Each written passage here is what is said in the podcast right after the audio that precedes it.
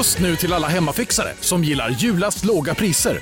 En slangvinda från Gardena på 20 meter för vattentäta 499 kronor. Inget kan stoppa dig nu. På Sveriges största jackpot-kasino går hypermiljonen på högvarv. Från Malmö i söder till Kiruna i norr har hypermiljonen genererat över 130 miljoner exklusivt till våra spelare. Välkommen in till Sveriges största jackpot-kasino, hyper.com. 18 plus, regler och villkor gäller. Du lyssnar på en podd från Perfect Day. Men hur är läget i itali italienska truppen inför matchen? Alltså det är ju ändå lite skadeskjutet för ja, men De Rossi är fortfarande avstängd och nu kommer ju Frematerazzi tillbaka från avstängning. Men ska han spela?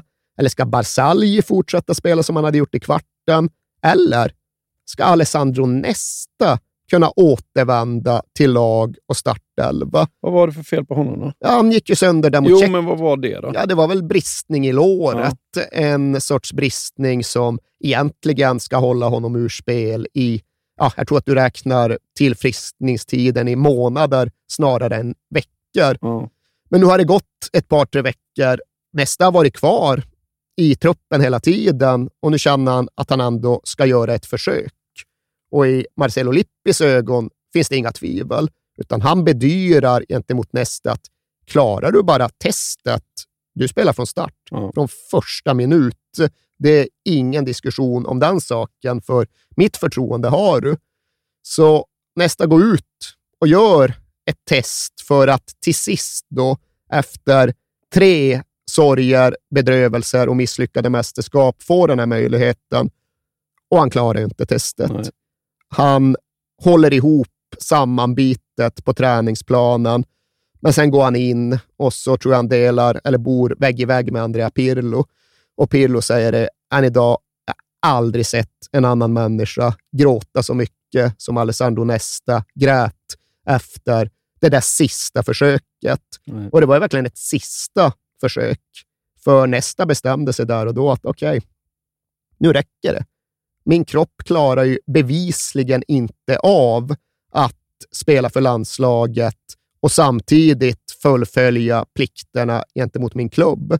Så det får räcka nu. Ja. Det funkar ju inte. Jag får avsäga mig landslagströjan. Det är priset jag behöver betala för att överhuvudtaget kunna spela något mer. Och han hade ju investerat så extremt mycket i den här ja, men rätt osannolika förhoppningen. Medicinskt borde han inte kunna komma tillbaka under VM, men han hade ändå ja, men föredragit, valt att hänga kvar i flera veckors tid och har beskrivit som att han var fängslad av frustration. Han kände sig som en inkräktare i truppen.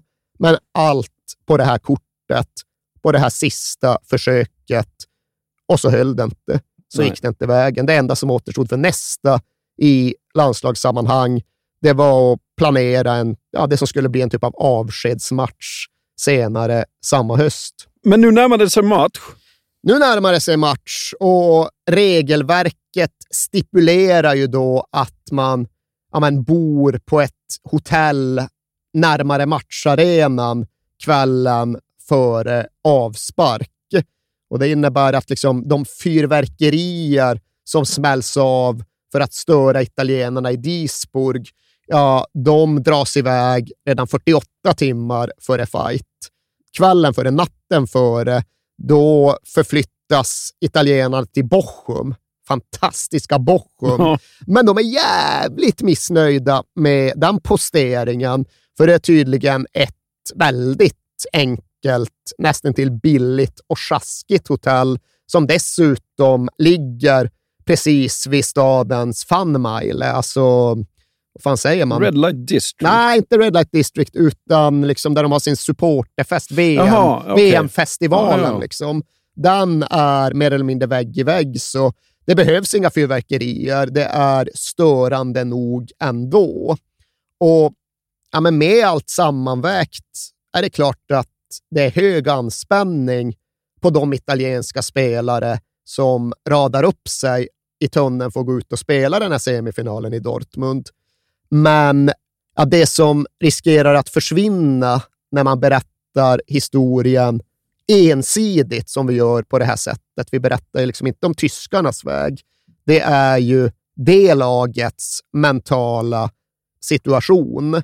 Och alltså, vi hade såklart kunnat göra ett avsnitt om Tyskland 2006 också, för de hade sin väg och den var till lika delar förtrollad och försåtlig. Den var jävligt innehållsrik och jag tror att kanske den största anledningen till att vi inte kommer göra det avsnittet, det är att vi inte kommer kunna toppa den dokumentärfilm som gjordes, som verkligen var banbrytande i sitt slag. För det är ju det här liksom all or nothing-konceptet som är så välutnyttjat idag, men som ändå sällan kommer så särskilt nära. Den tyska dokumentären Deutschland ein Sommermärchen, alltså ja, den tyska sommarsagan, den är ja, men den är nog fan både först och bäst i sitt slag. Jag har inte sett Ja, det ska du göra. Ja. Fantastisk film.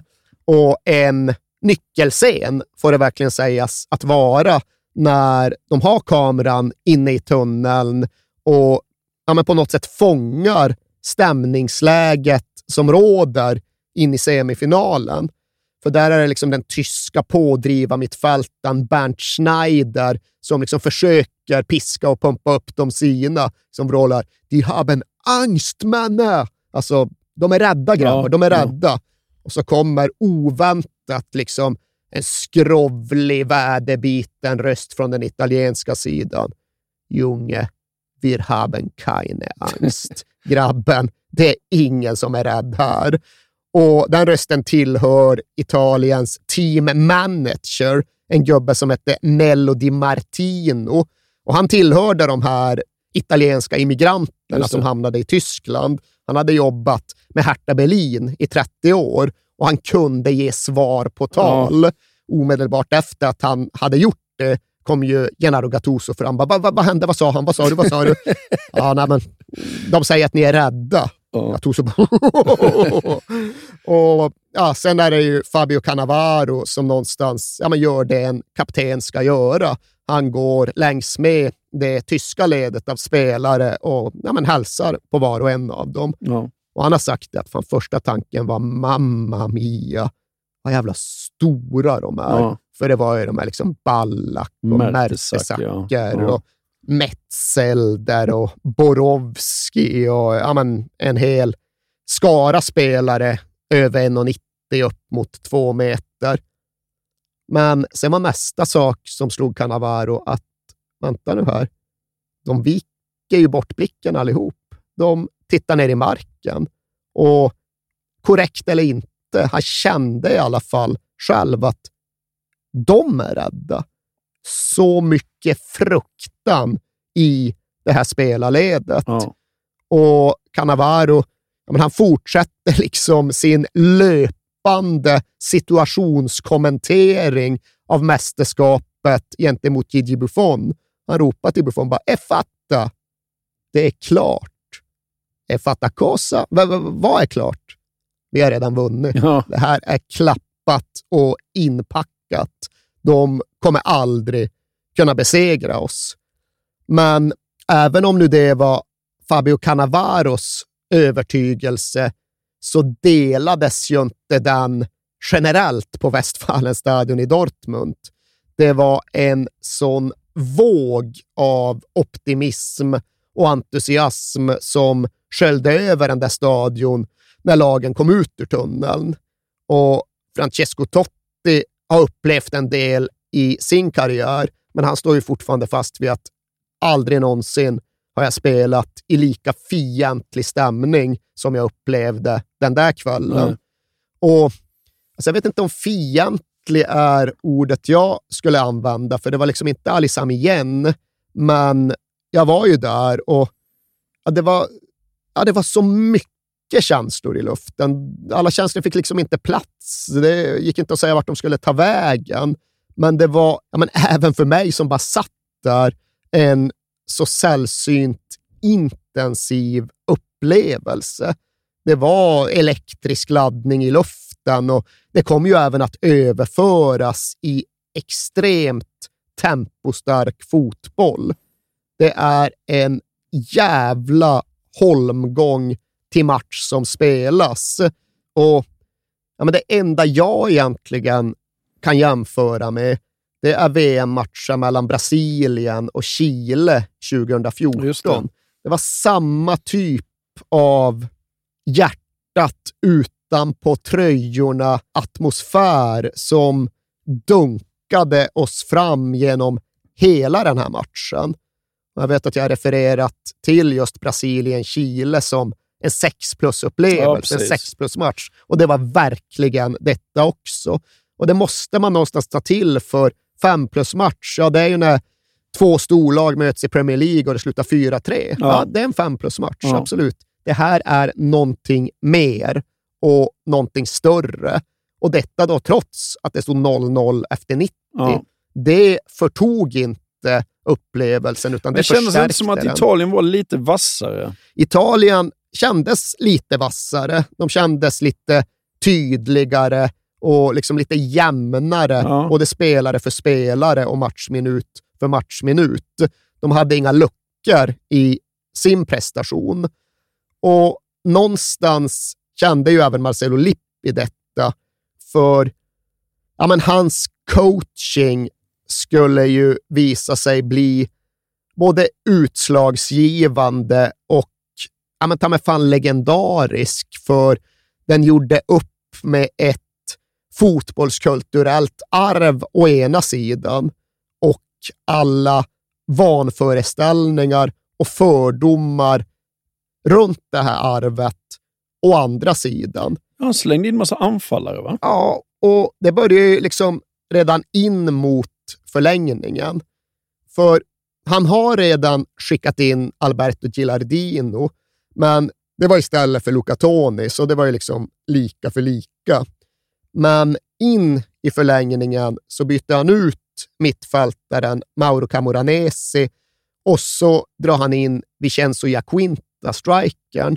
Och redan det är ju ett offensivt och ett vågat byte. Köp framhjulet. Ja, det är verkligen. Ja. Nu börjar det bli framhjulsdrivet igen. Nu är det växellådesbyte. och det är ju såklart extra anmärkningsvärt för att ja, men det är förlängningen VM-semi. En vanlig förlängning i liksom andra omgången av Conference League leder ju ofta till en överdrivet stor försiktighet och ett enda långt inväntande av straffarna. För det är liksom ingen som vill riskera att göra första draget och därmed blotta sig. Men han vill väl inte riskera straffar? Nej, det var ju det, för Italien har förlorat tre raka VM-avgöranden på straffar under 1990-talet. De föll i sitt eget hemma-VM mot Argentina 1990. De föll i finalen mot Brasilien 1994 och de föll igen mot Frankrike 1998. Och det är ändå motståndare som vinner ibland och förlorar ibland. Tyskland vinner ju alltid Exakt. på straffar. Ja. Det är det som liksom alla upprepar tills det blir en sanning. Så det låg ju dels i vågskålen. Tyskland vinner alltid på straffar. Därutöver var det känns att vi är faktiskt bättre än dem. Och det sammanvägt innebar att Lippi kände att vi måste gå för det. Det är idiotiskt att bara låta förlängningen sippra iväg i ingenting och ställa oss vid straffpunkten. Ja, men Så, det är som du säger, det är väldigt oitalienskt. Ja, det är väldigt ovanligt oavsett ja. fotbollsnationalitet. Men in med Jacquinta då, igång med förlängningen. Och redan när Jacquinta byts in, ja, då utbyter Buffon och Cannavaro menande blickar. Vad fan gör gubben nu då? Ja, det verkar ändå som att han gör något rätt, för om Italien har haft ett litet grepp tidigare blir greppet ganska totalt under första förlängningskvarten. Och det greppet omsätts ju även i stora målchanser. Gillardino, stolpens insida. Sambrotta dunkar ett skott i ribban Och det här sker ju med bara några minuters mellanrum och i de italienska tv-sändningarna börjar kommentatorerna beklaga sig över att målramen, ja, hela matchen tycks förtrollad och förbannad. Men ska då Marcello Lippi bara stillatigande acceptera detta? Nej då. När den första förlängningskvarten närmar sig sitt slut, ja, då tar han ut den liksom väldigt löpstarka mittfältaren Simone Perotta och så skickar han in Alessandro Del Piero också. Ja. Och ja, rent coachingmässigt går det att diskutera om det var hundraprocentigt klokt. För här försvagas någonstans den italienska kontrollen. Här övergår matchen i bara regelrätt böljande, skummande sjöslag. För nu finns det inga mittfält längre. Nu är det anfall mot försvar på båda planhalvorna. Ja. Och där det tidigare bara varit Italien som skapat, så skapar nu Tyskland också. Men så får det lov att vara, för slump och lotteriartat, det spelet den kan te sig, så bedömer i alla fall Marcello Lippi att möjligheterna att kulan stannar på svart i den rouletten är större än chansen att vinna på straffar. Och ja, men för oss som tittar på är det ju helt otroligt. Ja. För det är, en, alltså det är en revolverduell som ja, men mer eller mindre saknar motstycke. Att en VM-semifinal med de här nationerna nu har övergått i ja, men ett enda pågående chansbyte. Mm. Okej, nu får ni möjligheten den änden. Ja, du får en rädda. Okej, nu är vår tur i andra änden. Som handboll nästan. Ja, otroligt. Che prova a dare il pallone all'interno per Podolski in area di rigore. Buffon! Buffon! Calcio d'angolo! Straordinario Buffon, bravissimo, è rimasto fermo fino all'ultimo. Due occasioni clamorose, prima la nostra.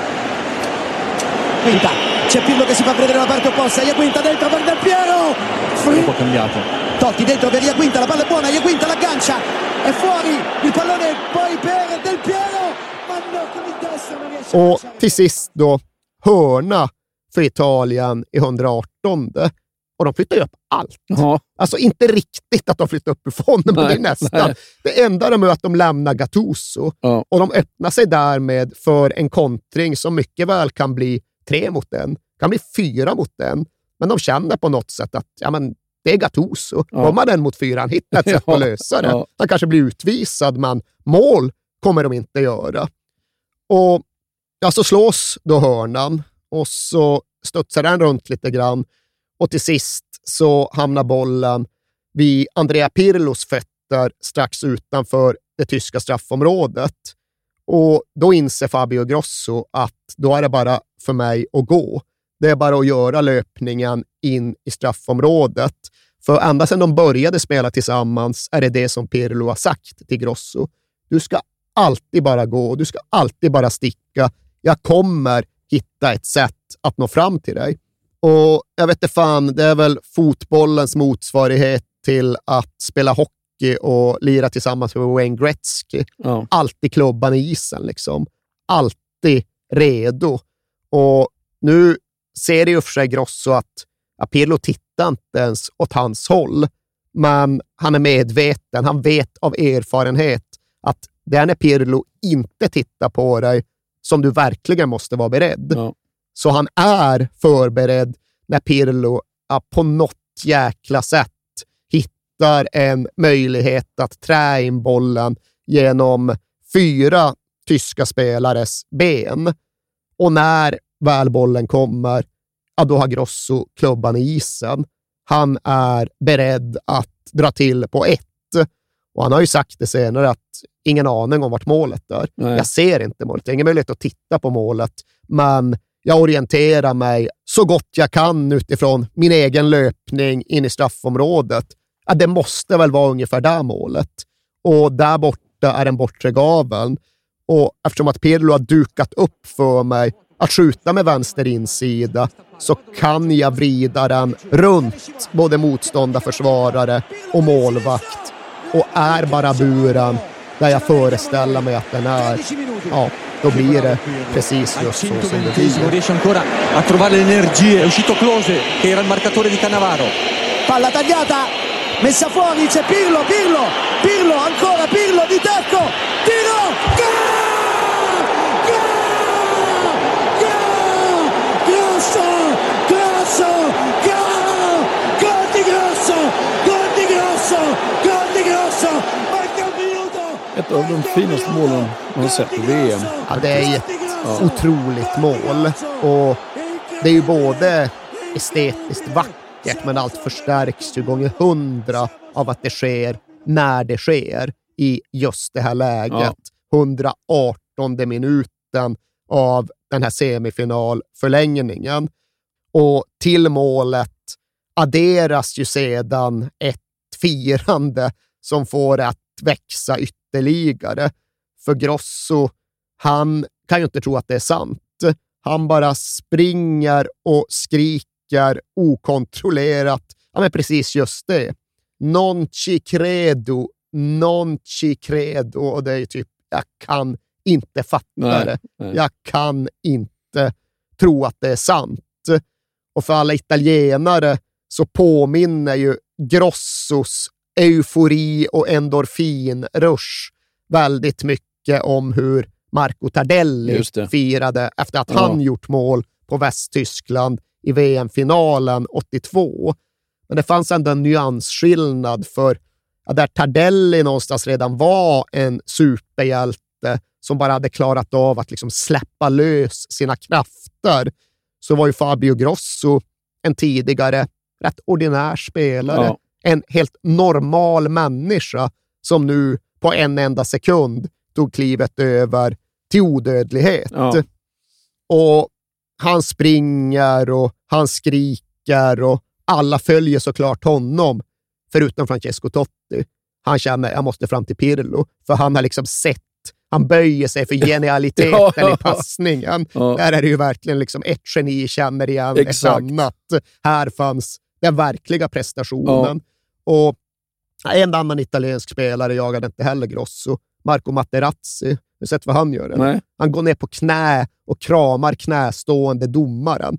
Han liksom, går ner på knä och liksom, eh, sitter där, omfamnar han Vad domaren. fan, domaren måste få sluta. Ja, Liksom. jo, det är klart. En klassisk jävla stillbild som dock har bleknat bort lite i ljuset av andra Materazzi-bedrifter under slutspelet. Ja. Men till sak här hör ju att matchjäveln är inte slut. Nej. Det är 118, det det är ju två, tre minuter kvar att spela. Ja. Och tyskarna gör såklart allt för att mobilisera och flytta fram rubbet i en sista kraftansträngning. Och de får loss bollen på kanten och Odonkor får möjligheten att slå ett inlägg. Men när det inlägget kommer så kvittar det ju totalt att tyskarna snittar två meter och att Fabio Cannavaro är 1,73 Nej. den duellen vinner Cannavaro och han nöjer sig inte med att ta bort bollen en gång. Han följer ju med den framåt i planen och säkrar upp situationen genom att vinna ytterligare en duell. Och han verkar sen vara på väg att fortsätta ännu längre fram för att liksom skena mot det tyska målet. Men då kliver ju Totti mer eller mindre bara in och liksom tar bollen ifrån. Nej, nej, nej, nej. Alltså du har du gjort ditt. Ja. Tillbaks med dig, så tar jag hand om det här. Så Totti tar bollen och öppnar upp ett tyskt försvar som redan är helt vidöppet. Han hittar Gilardino. Gilardino håller i, väntar, släpper perfekt till Del Piero på överlapp. Och Del Piero hade bränt ett par jättelägen som hade kunnat ge Italien EM-guldet 2000. Men det är inte så att han darrar och tvekar här direkt. Ja, det är så jävla snyggt också. Han bara viker upp hela foten rätt upp i krysset. Liksom. Och otroligt mål, Ja. otrolig match. Och jag vet att flera av italienarna ändå har liksom som starkaste enskilda sinnesintryck den totala tystnaden som sänker sig när Del Pieros boll vrider sig upp i krysset. För det har varit så jäkla hög volym och alla har ju levt sig med och levts in i den här matchen på ett sätt som gör att när det verkligen tar slut, när det är över för Tyskland, Ja. det bara lägger sig. Det bara sjunker ihop en ja, men nattsvart tystnad som inte bryts av att 30 italienare tjoar som de aldrig någonsin har tjoat förr.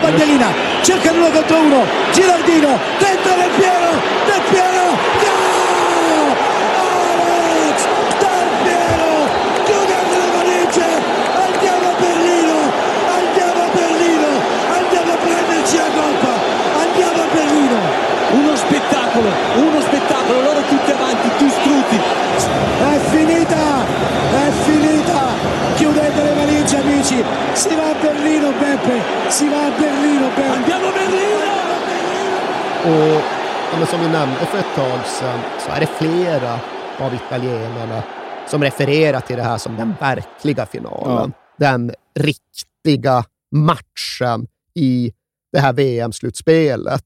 Och Francesco Totti tillhör dem.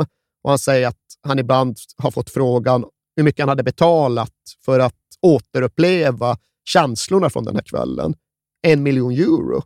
Ja, alltså så länge samma lyckliga slut är garanterat så lätt skulle betala två miljoner euro. För Ja. aldrig någonsin, vare sig förr eller senare, har jag känt mig så levande som jag gjorde under och efter den här matchen. Och han jämför själv med att ja, men, testa att ringa upp Neil Armstrong och Ja. fråga vad han skulle betala för att gå på månen igen. Ja. Alltså, det finns ingen gräns Nej. för den summan när livet ler mot dig och universum är oändligt.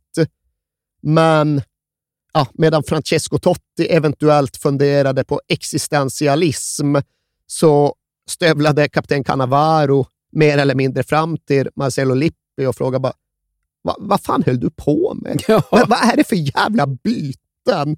Och Lippi bara, "Vadå, du, du förstår inte? Eller du, du begriper verkligen inte det här? Eller? Alltså, okej, du kunde inte se dig själv utifrån, men jag såg dig och jag såg Gigi Buffon och, och jag visste att jag därmed kunde lita på Gud, som Lippi själv formulerade det.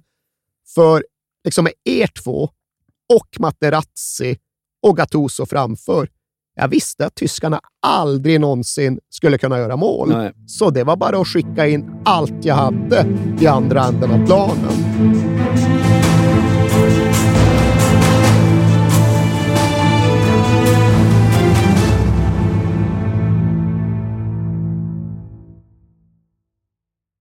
Jag vill inleda med att säga att det är garanterad jackpot på 13 miljoner på Stryktipset. Och fy fasen. Ja. Ja, visst. Skulle du behöva 13 miljoner eller? det skulle jag verkligen. Men vi måste säga först att vi är ju sponsrade av Stryktipset. Ett spel från Svenska Spel, Sport och Casino för dig över 18 år. Yes, och stödlinjen.se finns där för dig om du har problem med ditt spelande. Nej, men 13 miljoner jackpot på Stryktipset, det är ju inte fel. Nej, då är det faktiskt dags att ladda en rejäl rad här känns det som. Mhm. Vet du vad som inte heller är fel? Nej, Födelsedagsfirandet och alla härliga Mm. historier vi får in. exakt. Mm. För vi är ju mitt inne i Stryktipsets 90-årsfirande som vi firar med att läsa upp fantastiska historier från våra lyssnare. Yes. Som skickar in dem till kings at perfectdaymedia.se. Precis, bomba på nu. Det är åtta månader kvar på det här firandet, så att, eh, vi kör nu. Mycket Stryktipshistorier vill vi ha. Mm. Och i dagens har vi fått från Peter som skriver så här. Hej på er och tack för en helt otrolig podcast. Den har räddat mina veckor i snart fyra år. Tack så mycket Peter.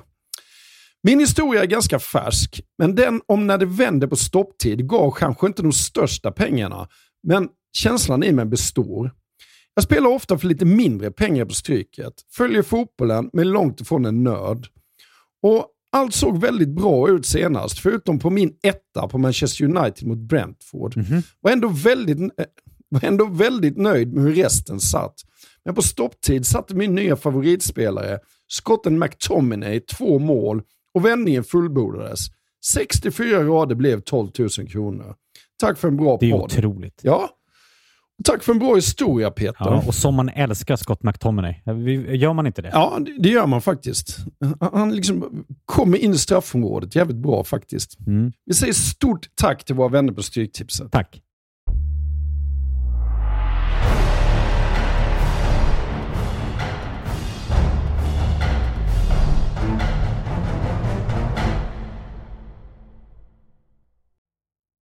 Och I finalen väntar Zinedine Zidans Frankrike.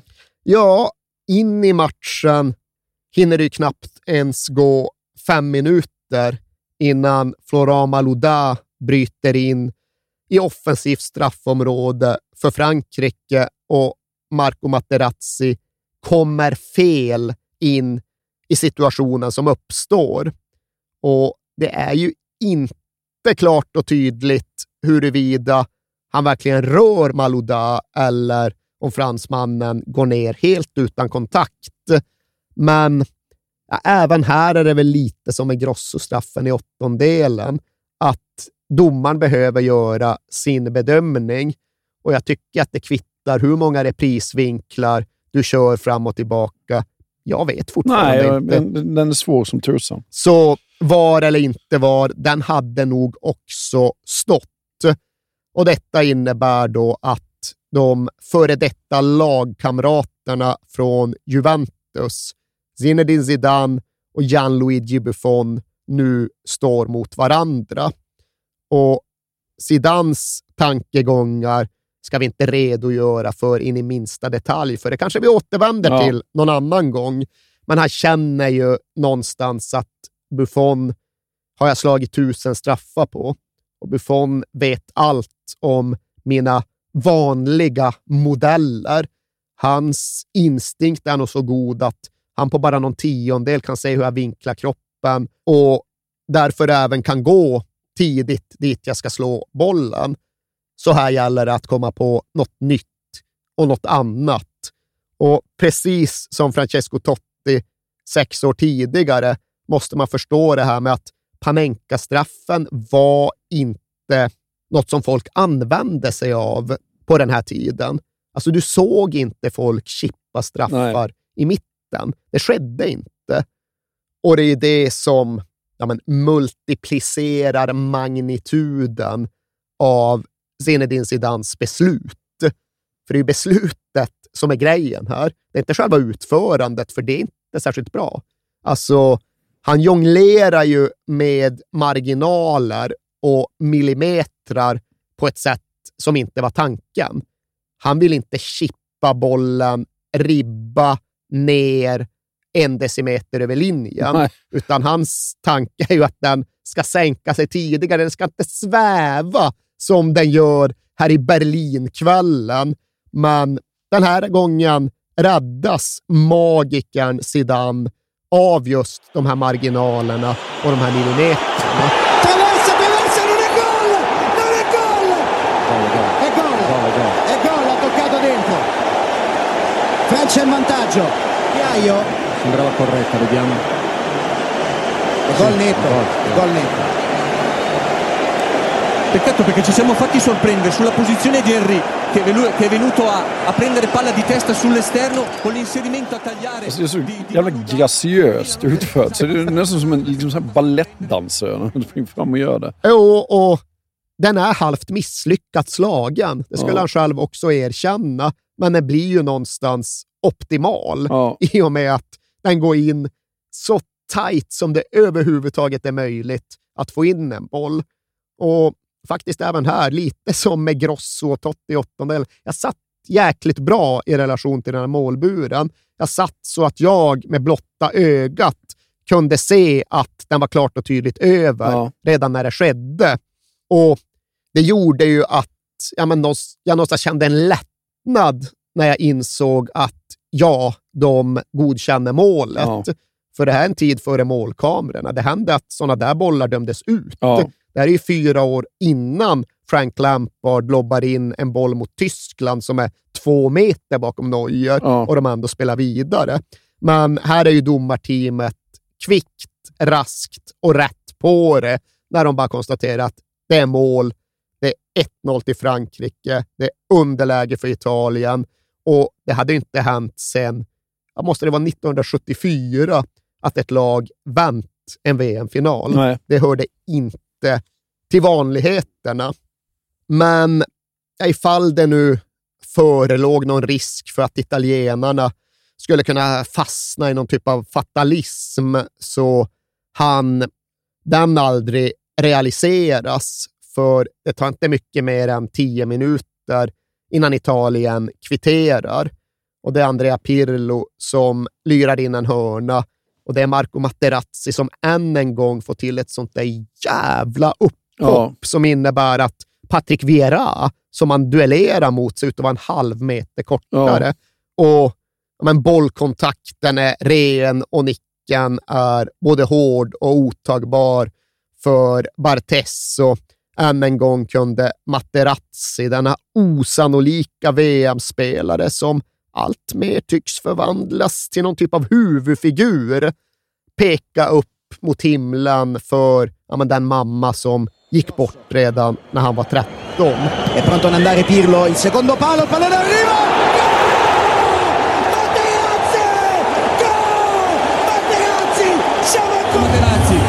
Secondo gol del mondiale per Materazzi! 1-1, l'abbiamo ripresa subito! 19 minuti! E con grande merito, Vierà sempre lo stesso difetto anche nel nostro campionato, si fida troppo della sua... Och sen ska jag inte påstå att Italien smattrar på, men en kvart efter kvitteringen slår Pirlo exakt samma hörna igen. Och den gången är det Luca Toni som vinner nickduellen och skickar bollen klockrent i den franska ribban. Så nästan exakt likadant ja, ut som Materazzi. Oerhört snarlikt. Ja. Och sen är det ju en jämn match och en match som är låst i mycket högre utsträckning än semifinalen mot Tyskland. Ja. Det går inte att säga att lagen byter chanser, utan det är någon halvchans här och liksom någon tillstymmelse till möjlighet där. Och Luca Toni har i och för sig en boll i nät under den andra halvleken, men det är både snabbt och rätt avvinkat för offside. Ja. Frankrike har ju en straffsituation. Mm, den... den tycker jag däremot är straff. Ja, det håller jag nog jävlar i mig med om. Ja. Det är väl Sambrotta ja. som går in. Ja, lite dumt helt enkelt. Och man ser på honom omedelbart efter att det har hänt att jävlar vad skyldig han känner sig. Exakt. Och det är nästan den mest utslagsgivande bilden. Men det måste ju vara att domaren känner att ni har fått en som är... Ja. Ja, och det ska rätt mycket till innan domarteamet tar avgörande beslut i slutskedet av en VM-final, kanske till och med i förlängningen av en VM-final. Då måste det ske något som är så tydligt och så flagrant att det ja, bara inte går att undvika. Nej. Och något sånt sker ju också i den 110 minuten. Ja, det, det gör det. Och är det VM-historiens näst mest omtalade enskilda situation. Efter Maradonas hand? Ja, ja. det är det väl? Ja. Eller? Ja. Jag kan inte riktigt. Just med tanke på vem det är som gör det också. Och när det sker och ja. sådär. Jeff Hurst och skottet ribba in mot Tyskland 66, ribba ner mot Tyskland 66. Ja, men det var en annan värld ja. då. Det var en annan tid. Men ja, ni vet ju vad som kommer hända. Zinedine Zidane har haft en lång match och den har väl inte riktigt varit hans. Okej, okay? han gjorde mål på den där straffen, men sen har han haft det rätt tufft med ofta dubbelmarkering. Italien bytte ut Francesco Totti redan efter en timme och detta efter att han knappt rört bollen men detta berodde väldigt mycket på att han fick ett av dubbelansvaren för att markera Zidane. Ja. Det är liksom viktiga för Lippi i Tottis final, det var att han skulle hjälpa till att stänga ner Zidane. Ja. Så han hade varit tätt uppvaktad av flera spelare under lång tid. Han hade ganska nyss haft den där nicken och det hade ju kunnat vara guldmålet. Ja. Det är en jävla snärtig nick. Sen är det väl lite i fel höjd. Ja. Men, och rakt på med. Ja, den är inte riktigt rakt på. Alltså, det måste ändå till en jävla svepning med Buffons högerarm. Så alla målvakter räddade inte den bollen. Inte Nej. ens alla målvakter på världsnivå. Men Buffon gjorde det. Och det är väl rimligt att anta att en frustration hade stigit i Zidane. Och nu bubblar den över han blir fasthållen av Marco Materazzi när ett inspel är på väg in i det italienska straffområdet. Han blir förbannad över den fasthållningen, över den tröjdragningen, över att ingen ser, över att Materazzi tillåts hålla på på det där sättet. Så han riktar några väl valda ord mot italienaren. Materazzi svarar tillbaks, resten vet ni. Och det gör ni för att ni har sett tv-bilderna i efterhand. För ingen såg det ju när det skedde. Nej. Jag var på arenan. Jag såg det inte. Nej. Nej, nej. Jag hade ingen aning om vad som pågick när det helt plötsligt blev ett avbrott. Och du bara såg att han låg ner där? Ja, Ja. exakt. Bara, Vad fan pågår här? Och ingen av spelarna såg det heller, förutom Gianluigi Buffon. Han var den enda italienare som såg vad som hände. Och detta fick ju honom att skena ut från målburen för att sätta press på ja, hela domarteamet. Och Buffon menar i efterhand att ja, det är inte ett beteende som jag egentligen vill förknippa med mig själv. Det var osportsligt på ett sätt som inte är typiskt för mig. Jag är inte stolt över det. Ja, Nåja. Jo, men Buffon, du ska väl ha hans liksom bild av sin egen ridderlighet. Den är Jo, men vad fan, en av dina cementerad. medspelare har blivit nedskallad. Liksom. Ja, han menar liksom att, att han verkligen går till domarna och säger, såg ni inte? Nähä, titta på det här då. Titta där på skärmen, för där kommer reprisen. Ja, han tycker själv att det är över gränsen, men han rättfärdigar det med att säga pressen var för stor och Zidane var för bra. Det kan jag verkligen förstå. Det kan jag också. Ja. Nej, jag men, vet men titta då på skärmen sen. det är ju det som leder till domslutet. Och För, grejen för, är... för visst var det, alltså på den här tiden, du fick inte, fick inte springa och titta nej. på tv-skärmen. Domarna, alltså domarteamet såg ju det inte. Nej. Huvuddomaren såg det inte. Assdomaren lyckades, om jag förstår saken rätt, också missa det. Men Buffon, andra italienare, tvingade i stort sett fjärdedomaren att titta på reprisskärmen som fanns precis vid sidlinjen. Och när han väl hade sett kunde han Ja. inte gärna göra det osett. Nej, tack. Det. Och då kan han inte gärna låta händelsen gå obestraffad. Så händelsekedjan som den berättas, den gör ju gällande att fjärdedomaren ser reprisen på en skärm. Och det ska han inte göra, men nu blev det så. Och när det väl hade skett så såg han ingen annan utväg än att informera domarteamet, huvuddomaren, om det som hade hänt. Och det innebar ju att det inte längre fanns ett beslut att fatta. Det var bara att verkställa. Ja. Det var bara att hala upp det röda kortet. Och långt där nedanför mig på Olympiastadion i Berlin kunde jag ju nu se Zinedine Zidane gå av planen, gå förbi den uppställda VM-bucklan på bara några decimeters avstånd, men ändå utan att rikta en enda blick mot den och därefter försvinna. Därmed säga farväl till fotbollen. Tu sei zitto che non ha... Vediamo un po'. Eh no! Eh no! Eh no! Eh no! Indecente Zidane. È il giocatore che ho amato di più nella mia vita. Indecente questa testata di... sotto gli occhi di tutti. E l'ha visto, adesso lo tira fuori. No, non l'ha visto, gliel'hanno detto. Rosso per Zidane che se ne va giustamente. Sotto la doccia, sotto la doccia, sotto la doccia, sotto la doccia. Cosa si sono detti? Vedi che lo prende, lo tiene. Det fanns ju fortfarande en förlängning kvar att spela. Det fanns en VM-final kvar att avgöra. Men det bleknade ju i rätt hög utsträckning bort där och då för väldigt, väldigt många av oss. Och alla i fan hela världen undrade ju en och samma sak. Exakt vad sa Marco Materazzi? Ja. Och nu ska du få komma in och berätta den lilla, den lilla historia du aldrig tröttnar på att berätta. Jaha, är det så? Jag jobbade som eh, nyhetschef då, dagtid på Sportbladet och satt ju som alla andra hemma och funderade precis över detta. Och sökte då nätet hela kvällen innan jag gick och la mig. Att, vad sa han, vad sa han, vad sa han?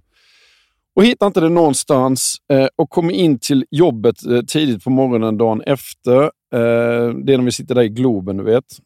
Och tar eh, Aftonbladet och eh, läser på första sidan då och på löpsedeln att detta sa eh, Materazzi till Zidane innan. Och bara wow! Kalas, här får jag beskedet. Ja. Och inte nog med detta, det verkar fan som att Aftonbladet är mer eller mindre ensamma om det här.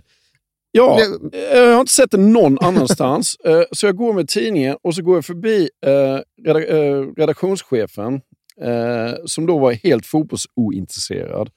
Varpå han tittar upp och säger Fan, vilken bra banderoll och vilket bra löp vi har idag. Så sa jag, men stämmer det då? Han bara, vadå? Men vet vi verkligen vad vad han sa? Och så vecklar vi båda upp och så, och så tittar vi och så, nej, det står ingenstans om Materazzi ska ha sagt till Zidane. Och efter det, det, det är nog en av de dagarna i Aftonbladets historia där flest människor har ringt in. Jag tror de En fick klassisk gammal folkstorm. Ja, tusen samtal fick de. Eh, fick vi in och vi fick dela ut biljetter till alla som ringde in. Att du får en gratis eh, tidning en annan dag. Men du måste ju här förklara hur detta kan Ja. ha skett. Hur kan det Anledningen till påstås detta en sak att på när man gör tidningen på, på, eh, på natten så finns det en editionschef som är chef för hela liksom, det operativa. Och upp till det så sitter en nattchef som eh, gör första sida och löpsedel på tidningen. Och när det här hände eh, på fotbollsplanen så säger editionschefen att ah, men, eh, ja, första sidan imorgon är detta sa Materazzi till eh, Zidane. Eh, Det måste ju komma fram under ja. kvällen. Det ska Det- vi köra ja. på. Men sen mådde inte han bra och, och gick hem och nattchefen var då helt fotbollsointresserad. Så att läste inte igenom texten, ingenting, utan banderollen är ju redan klar. liksom. Och lät det gå i tryck och det gick iväg. Nej, kring detta blev det en del Ja, uppståndelse. herregud. Ja. Och då kom ändå Aftonbladet hyfsat lindrigt undan i jämförelse med tre brittiska tabloider som i alla fall under dygnen som följde på finalen gick ut och påstod sig kunna redogöra för exakt vad Materazzi hade sagt till Zidane. Men det de då påstod, det var att han skulle ha sagt någonting riktat till Zidans mamma. Att hon skulle ha förolämpats som en terroristhora. Och detta vägrade ju Marco Materazzi gå med på, så Ja. han stämde ju dem och fick rätt. Så de var ännu snedare på den där skruvbollen. Och ja, det var väl ungefär ett år som det fortfarande fanns någon sorts dimhöljd mystik kring de här bevingade, befläckade orden som ingen med säkerhet kunde säga sig veta vad de var. Och det var ju, alltså de anlitade ju allt från Ja, läppläsare varenda till läppläsare i världen var väl involverade det var här. någon grupp dövstumma brasilianska indianbarn som sattes på jobbet. Och jag vet inte fan hur framgångsrika de var. Men sen publicerade ju Materazzi sin självbiografi året efter och där ja, gav han sin version som sen har bekräftats av Zidane. Och den är ju ja, men väldigt, väldigt banal.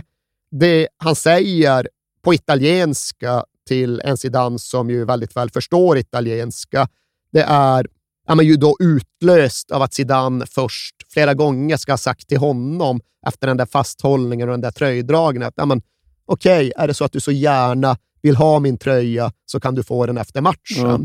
Och det uppfattade Materazzi som liksom arrogant och nedvärderande.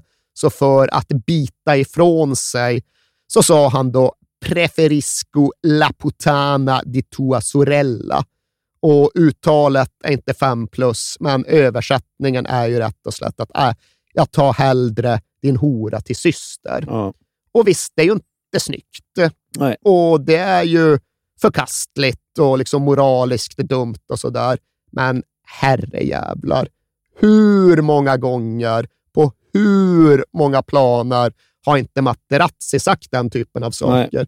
Och hur många gånger har Zidane inte hört den typen av Nej. saker? Vad var det Buffon sa? Han sa att ja, men, han betedde sig på ett sätt som man normalt inte skulle ha gjort i det där läget för att pressen var för stor och för den delen för att Zidane var för bra. Zidane gjorde ju sådär för att det var förlängningen av en VM-final. Pressen var för stor. Ja. Det kokade över för honom på ett sätt som det inte hade gjort ifall det var Juventus mot Perugia i omgång 19 Nej. av Serie A. Nej. Men matchen var ju inte färdig, Erik. Nej, matchen kom ju att bli färdig ganska snabbt vad gällde det öppna spelet. För ja, Marcello Lippi skickade inte fram nio man i offensivt straffområde i 118, utan här ja, var båda lagen tillräckligt, jag ska inte säga bekväma med, de var tillräckligt skräckslagna inför alternativet att de tillät förlängningen att gå över i straffar. Och ja, men det som händer innan något annat sker under den här korta pausen före straffarna, ja, det är att Lippi bara går fram till Andrea Pirlo och bara meddelar att du är först. Ja. Och Pirlo, alltså han hade ju missat för Milan mot Liverpool i Champions League-finalen ett år tidigare. Och han verkar ju alltid helt oberörd av precis allt som sker i hela världen. Ja. Men efter den där finalen, den där 3-0 till 3-3 och ja. förlustfinalen, så då erkänner han ju att han gick ner i ett så djupt svart hål att han var på väg att sluta med fotbollen. Mm. Så helt självklart var det väl inte att skicka fram just Andrea Pirlo. Och Pirlo själv, ja, men han menar att fotboll gör mig aldrig nervös. Det kan göra mig olycklig ifall vi förlorar på ett helt osannolikt sätt, men det gör mig aldrig nervös. Liksom jag kan missa bussen till en VM-final för att jag spelar Playstation, men den här promenaden fram mot straffpunkten, ja, den medger till och med han att ja, men den var lite psykologiskt påfrestande. Ja. Det var lite körigt ja. under den där halvminuten. Men sen ska det då enligt hans egen utsago, hans egen självbiografi, vara liksom två tankar som får bekymren att blåsas bort. Först liksom går det upp för honom någonstans att fan, alltså om det nu är så att Gud existerar, ja, då finns det i alla fall inte en chans att han är fransman. och liksom, den ingivelsen, ja, den ska ha varit väldigt oh. välbehövlig för Pirlo. Oh. Och det är väl en lustighet som förmodligen ändå kommer någonstans ifrån. Men har du läst Pirlos bok? Nej. En speciell bok från en speciell person och ibland ganska liksom svår att begripa sig på, för att det känns alltid som att det finns just ett lager av sarkasm ja. genom hela hans levnadsteckning. Att han liksom inte riktigt tar sig själv på allvar, Nej. utan liksom det är ett eh, krökt leende i mungipan samtidigt som han skriver.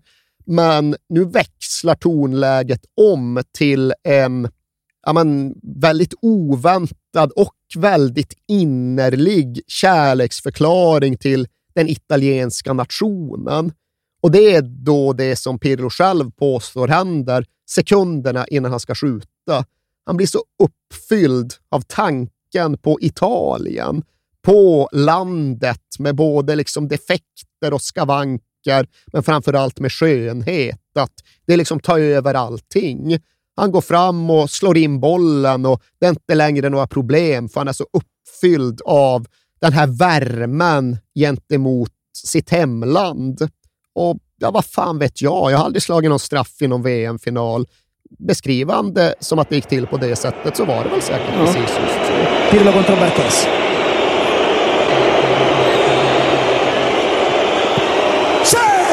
Alltså! Ja, han är ju inte de stora uttrycken och de yviga känslosvallens man. Men det här refererar han till som den starkaste känsla han någonsin har känt. Och ja, men med tanke på pressen och med tanke på utsattheten så går det väl att begripa att det ja, men kan slå över i någon mer eller mindre andlig upplevelse att utsätta sig själv för något i stil med detta. Men ja, det var fördel Italien. En fördel som sen upphävdes när Sylvain Biltord slog in Frankrikes första. Och ja, sen är det Materazzi. Och man kan tänka att ja, även för Andrea Pirlo var det en rätt stor påfrestning att slå den här straffen. Alltså fatta Materazzi. Ja. Han är ganska skruvad, men han är inte dum. Nej. Han begriper ju att han inte bara står i liksom världens samlade blickfång just nu, utan han är på många sätt världens fiende nummer ett. Ja. För det är ju ingen som vet där ute vad han egentligen har sagt, Nej. utan folk drar ju sina egna slutsatser och lägger ihop två med tolv. Och under förlängningens avslutande minuter har han blivit utbuad av egentligen hela Olympiastadion. Det hade varit väldigt förståeligt om Lippi hade sagt att du slår inte en straff. Ja, det hade väl till och med kanske varit att rekommendera ja, ja. för vem kan tro att den här killen är i emotionell balans. Nej, precis. För Materazzi verkar liksom vara den mest naturliga sak i världen att bara gå fram och trycka in bollen i hörnet. Ja.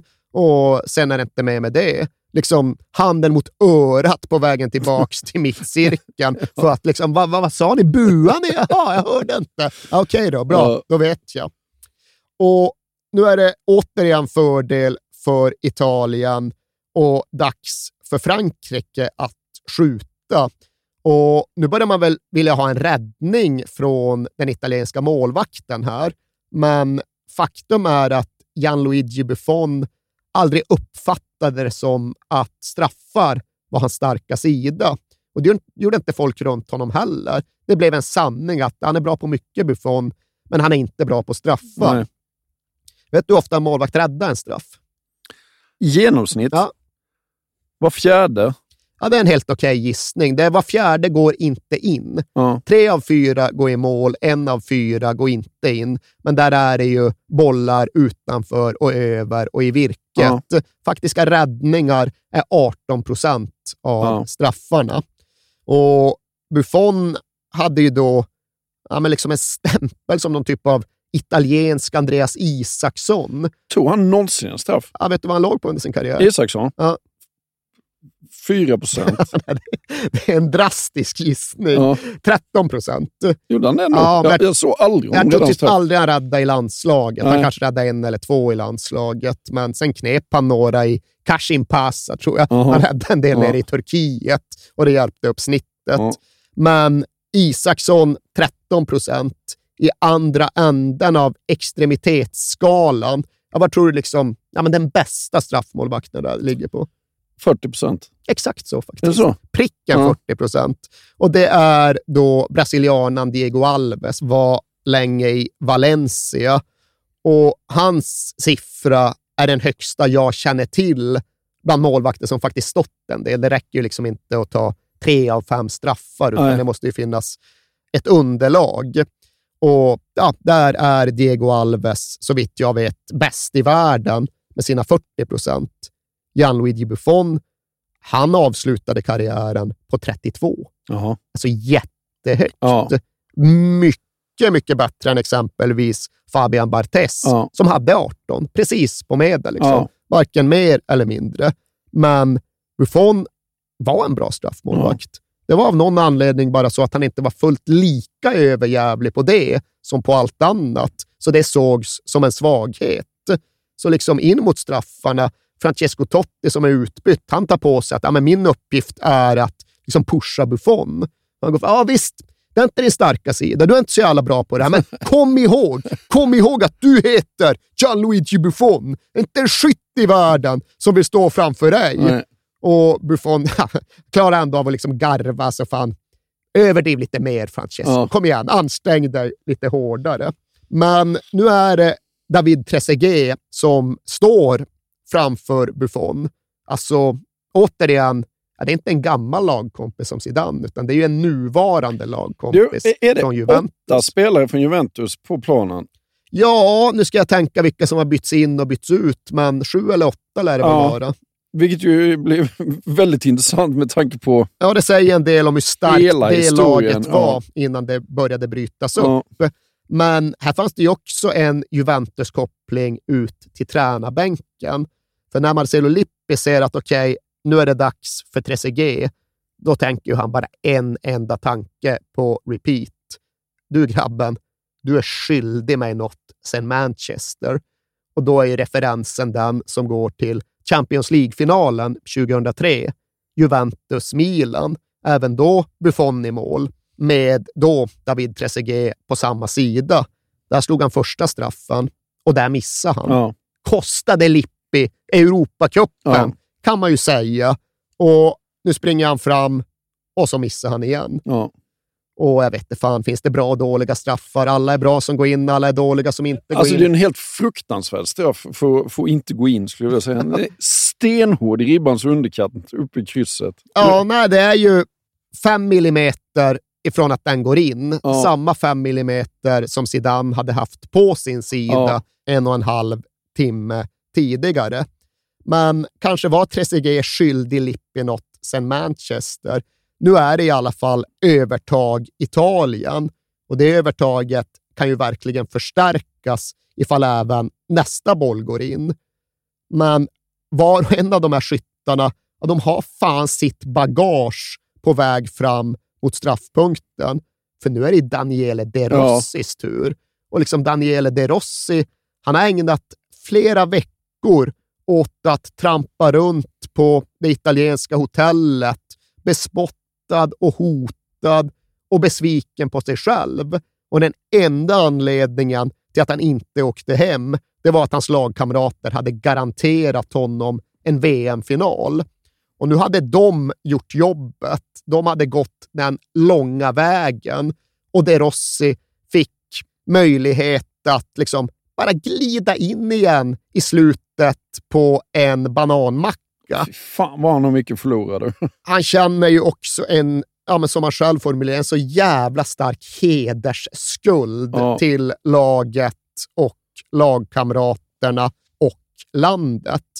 Och precis som du säger, så jävla mycket att förlora. Ja. Så han går fram och så slår han exakt samma straff som David Trezeguet, bara en decimeter bättre. Ja. Dunkar upp bollen i krysset. Och jag vet inte vad det säger om hans psyke och mentalitet, men det är i alla fall ganska övertygande saker. Verkligen. Och ja, i och med detta börjar vi närma oss halv matchboll för Italien. Erik Abidal måste mer eller mindre göra mål för Frankrike för att det inte ska ta slut i förtid, men det gör han. Och det är därmed Alessandro Del Pieros tur. Och ja, men här fanns det väl egentligen inte ett mentalt bagage som det hade gjort för Pirlo, Materazzi och De Rossi. Okej, det var de där missarna i EM-finalen 2000, men de hade han ju redan kompenserat för med målet i semin. Och liksom Alessandro Del Piero, ismannen, killen som låg och sov gott natten före finalen. Det borde väl gå vägen. Fabio Cannavaro ville tro det, men kunde samtidigt inte göra det. För han hade känt sig nödgad att frigöra sig från sina lagkamrater i samband med den här straffläggningen.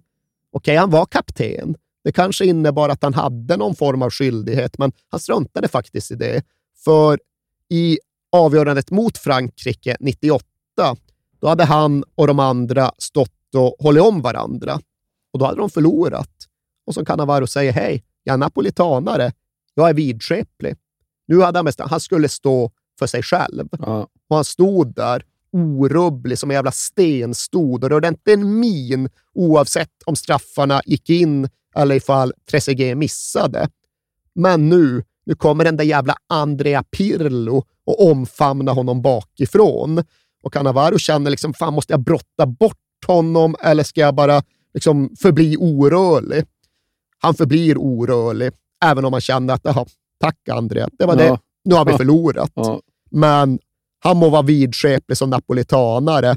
Del Piero tycks inte vara särskilt vidskeplig, skrockfull eller lättrubbad.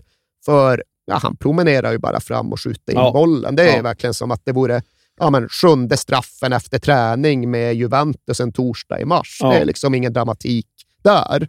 Och ja, nu är det bokstavligt talat matchboll för Italien. Och det är liksom doldisen till högerback som ska gå fram och skjuta för Frankrike.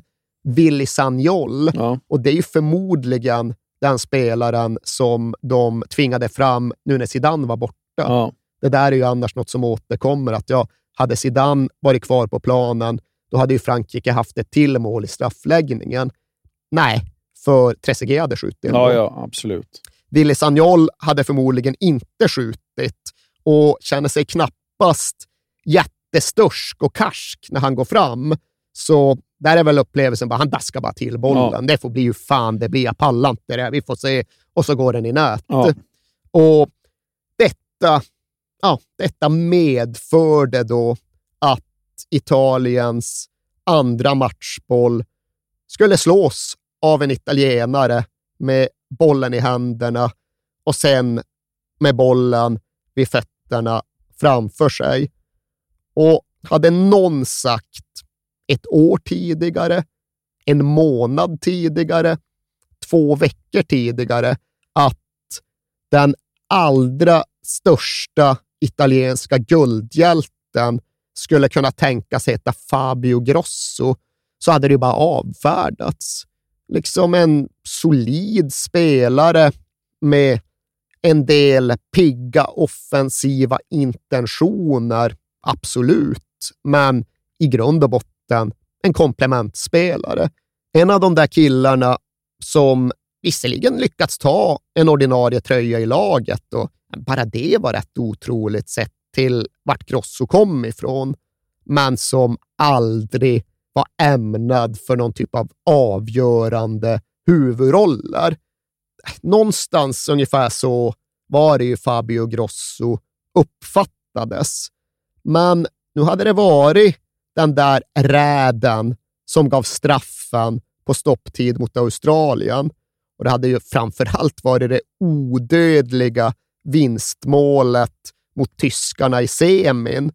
Och det började bli en tendens av att de som stod Grosso nära i laget kunde säga att jo, jo, det här har vi sett, det här har vi vetat hela tiden. Och liksom Grossos gäng, det var Jacquinta och Gilardino och tydligen även Materazzi som alltid brukade spela Playstation när Buffon spelade pingis ja. och när Peruzzi åt pizza. Och det fanns några grejer som var genomgående när de spelade. Det här är ju verkligen indicier som hade varit helt obetydliga ifall de inte hade tillskrivits ett värde i efterhand. Men de här polarna, de kom att berätta att alltså alla vi andra, vi växlade ju. Vi var Real Madrid, vi var Manchester United, vi var kanske FC Bayern München, men Fabio Grosso vägrade alltid att spela med något av de lagen. Han vägrade att spela med ett klubblag överhuvudtaget, för han var bara med i Playstation ifall han fick vara Italien. Mm. Han var färgblind på ett särskilt sätt. Hans ögon kunde bara se blått, som Alberto Gilardino uttryckte det. Och ja, Det var då det ena. Det andra var ju att ja, men de spelade två mot två. De satt fyra framför en tv spelade mm. två mot två och Grosso släppte aldrig bollen. Han skulle alltid avgöra tv-spelsmatcherna själv. Och det gjorde ju folk förbannade när de lirat Playstation, men det visade sig vara ganska användbart när det var dags för VM-matcher i fotboll. Och Marcello Lippi hängde väl i pingisrummet, så han hade nog inte sett den där tendensen på Playstation. Men efter att han hade varit framme hos Pirlo och sagt att han skulle skjuta först, då gick han fram till Fabio Grosso och mer eller mindre liksom jabbade honom i bröstet med sitt pekfinger och sa bara du slår den sista straffen för du är den sista minutens man. Ja. Och det är ju inte så att Fabio Grosso inte har fått frågor om de här minuterna och de här sekunderna och vad han tänkte och hur han resonerade.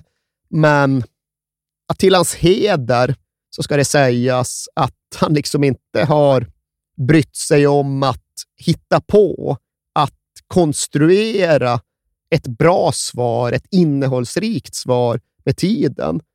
Utan han säger bara gång på gång att ja, ni kan fråga hur mycket som helst, men jag kommer inte kunna svara, för sanningen är att jag tänkte ingenting inför den här straffen. Eller ja, om jag tänkte något så har jag i alla fall inget som helst minne av det. Och det är väl bra, för det innebar att jag i alla fall inte gick där och tänkte, vad händer om jag missar? Vad händer om jag missar?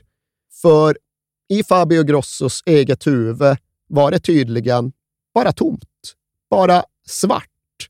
Och det gällde tydligen honom och det gällde en hel del av de andra italienska spelarna också. Grosso ska nog ändå haft klart för sig vad som stod på spel, men flera av de andra hade liksom tappat räkningen. Hur många straffar är skjutna? Hur ligger vi till? Vad händer härnäst?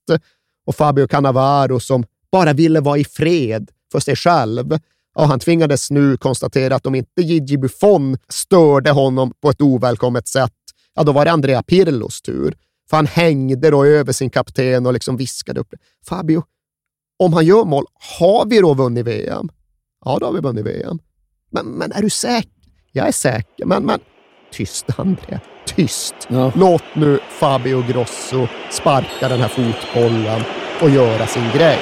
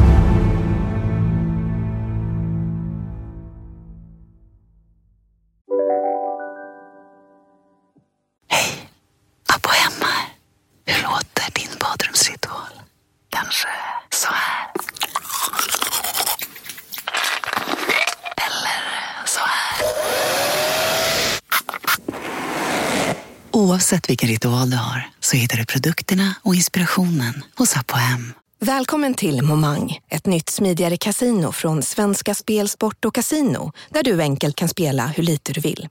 Idag har vi en stjärna från spelet Starburst här som ska berätta hur smidigt det är. Jaha, så smidigt alltså. Momang, för dig över 18 år. Stödlinjen.se.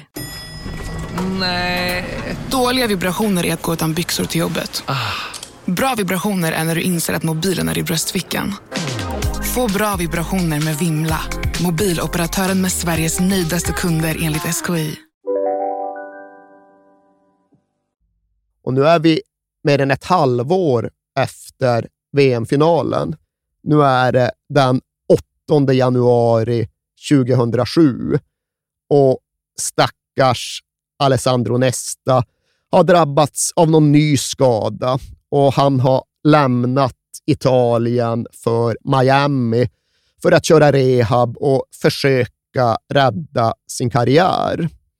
Och där strövar han omkring sorgsen och tvivlande när hans mobil plötsligt ringer. Ja, pronto? Ale, sono Lippi. Lyssna nu här lyssna på vad som händer, säger Marcelo Lippi. Och sen håller han bara upp sin telefon och nästa kan höra en distinkt napolitansk dialekt prata om någon medaljceremoni där de vill visa nationens tacksamhet gentemot idrottsmän som stärkt Italiens internationella roll och prestige. Och nästa hör ju att okej, okay, det är Giorgio Napolitano, det är presidenten och han pratar från Quirinalpalatset. Och när han väl förstått det, då tar Lippi återigen luren och så säger han bara, Ale, du är en av oss.